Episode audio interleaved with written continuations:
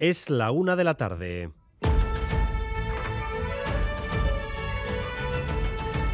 Crónica de Euskadi con Dani Álvarez. A Rachaldeón, la exigencia lingüística en el acceso al empleo público vuelve a estar en entredicho tras una sentencia del Tribunal Superior de Justicia del País Vasco. Esa sentencia establece que primero está el derecho al trabajo y después los requisitos lingüísticos. Y ese argumento se edifica sobre la Constitución. La Diputación de Guipúzcoa ha confirmado esta mañana que va a recurrir la sentencia, pero el recurso ha de ir directamente al Supremo. Fermín Alberdi, doble incógnita, por tanto. Primero, posibilidades de éxito de ese recurso y segundo, qué impacto puede tener en el proceso de regularización masivo que se está desarrollando. Las posturas están enconadas. Es difícil que el recurso prospere porque ya el anterior que se presentó contra la decisión del Ayuntamiento de Irún de pedir perfiles lingüísticos a policías eh, municipales ni siquiera fue admitido en el Tribunal Supremo. Los magistrados del Superior Vasco sentencian textualmente que en el caso de Uliaspi los excluidos son los aspirantes castellanoparlantes sin embargo, el diputado general de Guipúzcoa lo toma como un gran golpe y asegura a Markel Ulano que los jueces del Tribunal Superior Vasco son los que están convirtiendo a los euskaldunes en ciudadanos de segunda división. El efecto sobre los procesos de consolidación podría ser fuerte si se produce una cascada de recursos en el mismo sentido. Un asunto que queda abierto y por tanto con dos, al menos dos incógnitas, estas dos que señalábamos y sobre las que vamos a volver dentro de un instante. Además, la nueva educación vasca sigue con su desarrollo. Nuevo paso adelante, hoy con lo que afecta a los equipos directivos de las escuelas públicas.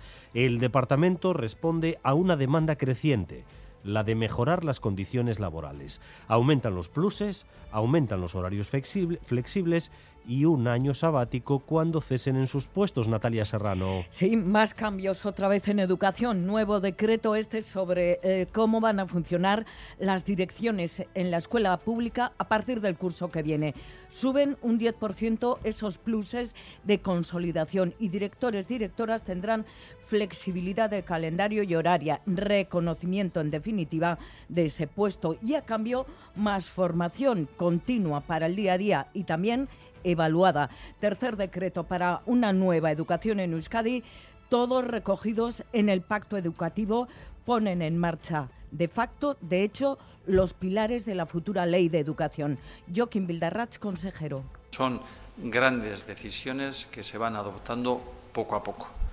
Estamos ultimando el proyecto de ley de educación que, como sabéis, nace de un pacto político inédito hasta ahora el pacto antes que la ley permite estos avances, la norma se espera que llegue esta primavera al Parlamento. El PNV y el PSE empiezan a encarrilar sus diferencias en torno al día festivo de inspiración feminista, aunque todavía no hayan pactado si va a ser o no el 8 de marzo. Hoy en el Parlamento han acordado un texto básico, eso sí, con Podemos y Bildu dejando claro que no quieren que el Día de la Mujer se declare festivo, José Luis Fonseca. Sí, lo que está quedando claro es que no hay ni consenso, ni mucho menos fecha definida entre los diferentes grupos del Parlamento a la hora de abordar cómo designar efemérides feministas como días festivos en el calendario laboral del próximo año, de 2024, a pesar de las diferencias mínimas entre la propuesta original del Carrequín Podemos IU, a la que se sumaba Bildu, y la de PNV y PSE, no se ha logrado alcanzar un documento de consenso entre los cuatro grupos, y como decimos, tampoco en cuanto a fecha,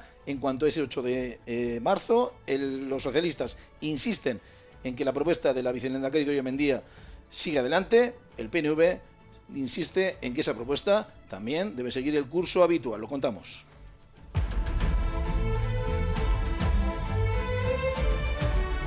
Y continúa el revuelo económico y político tras el anuncio de Ferrovial de que abandonará su sede en España para irse a los Países Bajos, porque allí, según la empresa, tienen más seguridad jurídica.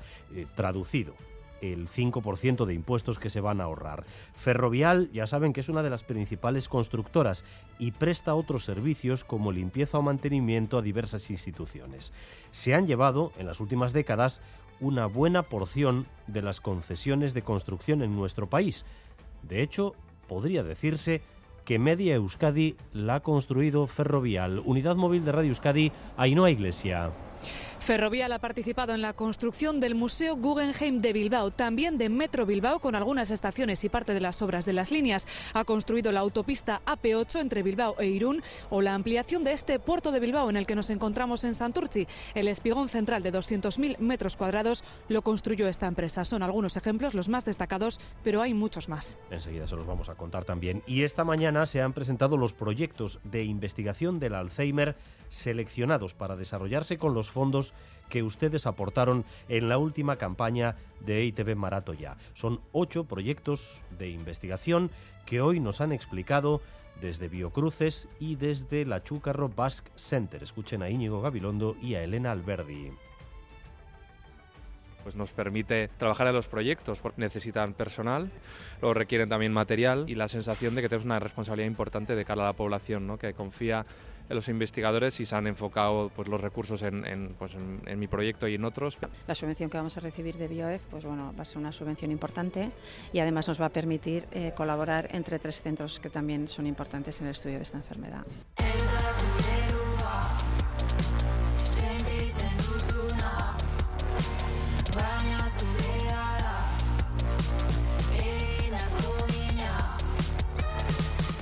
Hoy se entregan los Gasteas Sariak, que van a reconocer lo mejor de la Euskal Música del pasado año. Son siete categorías en las que ETS, Izaro o Bulego acumulan la mayor parte de candidaturas. Y será, por encima de todo, una gran fiesta en el Euskalduna, que se podrá seguir en directo en el canal de YouTube de Gastea. La gran protagonista, como no será la propia música, con varias actuaciones en directo, tal y como nos avanza Xavier Doncel, el director de Gastea. Un encuentro con la música vasca, con muchos formatos, con guiños a todos los niveles. En la gala se darán los siete premios correspondientes y luego empezará el concierto especial de Bulego, que tendrá una escenografía brutal. Que también tocarán ET6 e Sune juntos. Merina Gris también va a tocar. Ha fichado a la Inciarte para este concierto. También estará en Neomac. Para verlo desde el Euskalduna como para verlo desde casa vía YouTube. Es muy, muy especial. Y estamos también en el día después del primer partido de las semifinales de Copa. Osasuna ha cobrado ventaja y ya se desborda la emoción en Pamplona. Álvaro Fernández Cadierno, Arrachaldeón. Arrachaldeón, Dani, en resaca del partido de día de semifinales de Copa del Rey, en un choque que bien pudo haber terminado de empate. Primer asalto para Osasuna al vencer anoche al Athletic por 1 a 0 gracias al tanto de Abde. Alegría en Iruña, aunque contenida. Decepción en Bilbao, aunque con esperanza. La eliminatoria se va a resolver en San Mamés el próximo 4 de abril y la cita de hoy jueves llega del golf. Desde las seis y media de la tarde, John Ram vuelve a poner en juego el número uno del mundo en Orlando, en el Arnold Palmer Invitational. En el tráfico, atención, en la N1, en Andoain, sentido Donostia, recuerden que un vehículo se ha salido de la carretera en esa zona y la Ertzaintza se encuentra en el lugar regulando el tráfico. N1 en Andoain, sentido Donostia. En cuanto al tiempo, ambiente gris y cielos plomizos también para lo que resta de jornada. Va a llover de manera ocasional, especialmente en la costa. Eso sí, se nota el aumento ligero, aunque sea de las temperaturas. Tenemos unos 10 grados ahora mismo, alrededor de 10 grados en Donostia y en Bayona, 9 grados en Bilbao, 6 grados de temperatura en Iruña y 4 en Vitoria-Gasteiz. Gracias un día más por elegir Radio Euskadi y Radio Vitoria para informarse. Raúl González y José Ignacio Revuelta se encargan de la dirección técnica y Aitziber Bilbao de la coordinación. Crónica de Euskadi con Dani Álvarez.